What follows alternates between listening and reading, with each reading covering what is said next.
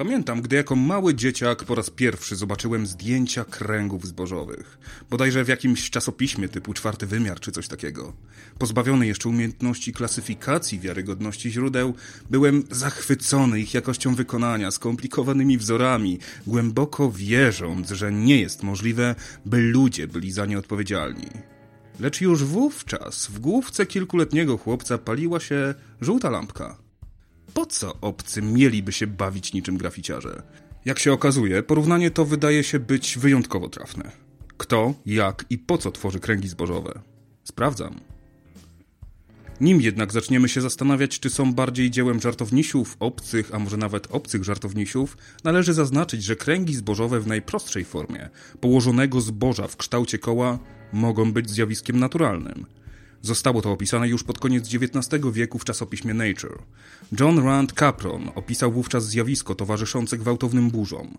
Tworzenie się niewielkich i krótko trwających wirów powietrznych, wystarczających do położenia zboża. Intensywne opady deszczu zaś utrudniają źdźbłom powrót do ich pierwotnej postaci, co jest wystarczające do zrobienia nienaturalnie wyglądającej dziury. Nie równa się to oczywiście skomplikowanym wzorom, które zalały angielskie pola w latach 70. XX wieku. Samozwańczy badacze zjawiska nazwali się cereologami od Ceres, rzymskiej bogini rolnictwa i urodzaju. Bacznie dokumentując powstające kręgi i przeprowadzając badania z pominięciem elementarnych zasad warsztatu badawczego. Bez urazy, ale badanie czegokolwiek w miejscu zadeptanym przez dziesiątki ciekawskich osób i snucie wniosków, jakby było oparte na badaniach w sterylnym środowisku, nie zasługuje na pochwałę. Cereolodzy, jako swego rodzaju podzbiór ufologów, namiętnie popełniają błędy swoich kumpli po fachu, całkowicie zawierzając relacjom świadków. Po co ktoś miałby kłamać, że widział dziwne światła, albo wręcz szwadron latających talerzy nad swoim polem, a rano się okazało, że stracił kawał plonu? Tak się składa, że wiem po co, ale o tym za chwilę. Badacze kręgów po dzień dzisiejszy nie wyjaśnili w zasadzie nic, jednak zawdzięczamy im sporo nie najgorzej wykonanych fotografii. Jednakże to, co przez lata nie zostało wyjaśnione przez tysiące entuzjastów, szybko i gwałtownie musiało się pochylić przed największą siłą śledczą, jaką zna nasza planeta. Bardziej bezwzględną niż CIA, bardziej skuteczną niż komandosi gromu i bardziej zdeterminowaną niż Robert Kubica. Tą siłą oczywiście była kobieta podejrzewająca swojego partnera o romans. Żona Daga Bauera dostrzegła, że przebieg ich samochodu rośnie w podejrzany sposób. Co piątek, gdy Doug spotykał się w pubie ze swoim kumplem Dave'em Charlie, czasem licznik przyrastał o wartość dużo większą niż droga do knajpy i do domu. Doug zaś wracał z tych wyjść późno w nocy. Po 15 latach robienia setek kręgów zbożowych w południowej Anglii, dowcipnisie zostali przyłapani tam, gdzie się tego nie spodziewali. Dla dobra małżeństwa Bauerów, Doc i Dave stwierdzili w 1991 roku, że czas najwyższy powiedzieć mediom, że to oni w bardzo szczegółowy sposób opisali proces projektowania i wykonania skomplikowanych geometrycznych wzorów na polach pod osłoną nocy.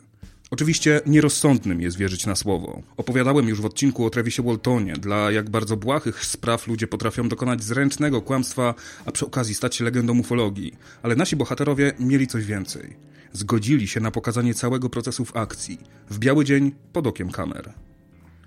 Początkowo mało kto im wierzył. Problemem było nie tylko skomplikowanie wzorów, które powstawały na polach. Ich liczba też była całkiem spora, bo ponad 200, a oprócz tego panowie mieli już 60 na karku.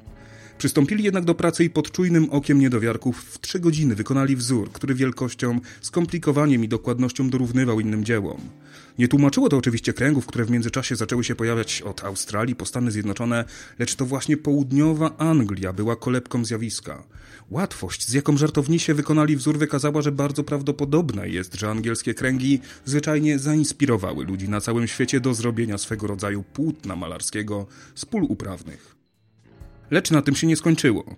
Dziennikarze postanowili upiec dwie pieczenie na jednym ogniu i nie tylko wyjaśnić pochodzenie kręgów, ale też wbić gwóźdź tym, którzy twierdzą, że są ekspertami w sprawie wyjaśniania kręgów zbożowych. Na miejsce pokazu został zaproszony cereolog Pat DeGaldo, który nie wiedział o całym wydarzeniu. Miał on zbadać dzieło i ocenić, czy może być wynikiem pracy dowcipnisiów. Delgado rozejrzał się, podrapał po główce i z całą stanowczością stwierdził, że nie jest możliwe, by było to ludzkie dzieło kompromitując nie tylko siebie personalnie, lecz i całą cereologię. Dowiedziawszy się o tym, jak wzór powstał i jak dokładnie jest udokumentowany, nie złożył broni i stwierdził, że może faktycznie Doug i Dave stworzyli ten krąg, ale co do innych nie wiadomo i muszą kontynuować swoją badawczą pracę. Po ujawnieniu w 1991 roku wielu twórców kręgów zbożowych wyszło z cienia, a ich umiejętności są wykorzystywane komercyjnie, np. w reklamie. Na stronie internetowej circlemakers.org można znaleźć szczegółowe instrukcje dotyczące tworzenia wzorów, galerię prac, a nawet można zamówić sobie wzór na własne pole. Moment, moment. Ale po co ktoś miałby celowo niszczyć sobie plony? Od 2000 roku w Wylatowie, polskiej stolicy UFO, regularnie spotykają się entuzjaści kontaktów z kosmitami. Ta niewielka miejscowość zasłynęła pojawiającymi się co jakiś czas skręgami zbożowymi. Nie tak spektakularnymi jak te robione przez Bauera i Chorleya, ale zawsze to jakiś początek. W 2006 roku, aby wejść na pole, trzeba było zapłacić kilka złotych. Za piątaka można było podziwiać rysunki ze strażackiego wysięgnika. Można było również nabyć pocztówki, kalendarze czy koszulki. Kosztem niewielkich zniszczeń można się całkiem nieźle dorobić. Gmina Mogilno, na terenie której znajduje się wylatowo, wychodziła również z innymi pomysłami. Chciano zaprosić Stevena Spielberga, by ten nakręcił film o niewielkiej kujawskiej miejscowości, zaś na jego premierze gościem honorowym miał być Bill Clinton. Zostańmy może przy sprzedaży koszulek, to wystarczy, aby uzyskać dochód większy niż ze sprzedaży plonów. W sieci można znaleźć film ukazujący kule świetlne nad polem, zaś kilka sekund później w zbożu pojawia się piktogram. Można rzec, że w obecnych czasach powinniśmy bardzo uważać na filmy czy zdjęcia, bo można je banalnie prosto sfabrykować. Lecz ciekawostką jest, że film ten został wyprodukowany w 1997. Co więcej, jego autor dokładnie wyjaśnił, jak go zrealizował, lecz dla wielu entuzjastów to jeszcze za mało, by przestać wierzyć w jego autentyczność. Wygląda na to, że pewne rzeczy po prostu trzeba wziąć na wiarę. Twórcy piktogramów stworzyli niemalże na naszych oczach odgałęzienie sztuki. I podobnie jak u graficiarzy, ich działalność często jest wandalizmem. I tak samo jak oni, znaleźli oni nietuzinkowy nośnik swoich dzieł, jaki wytworzyli wizualny, tajemniczy styl. Kręgi zbożowe są imponujące, hipnotyzujące i nie ma nic złego w zachwycaniu się nimi. Jednak zachwyt ten powinien być również zachwytem nad naszą kreatywnością i dowodem na to, że stać nas na dzieła, które na pierwszy rzut oka wyglądają na niemożliwe do wykonania ludzką ręką. Psst! Hej! Chciałbym Cię prosić o małą przysługę.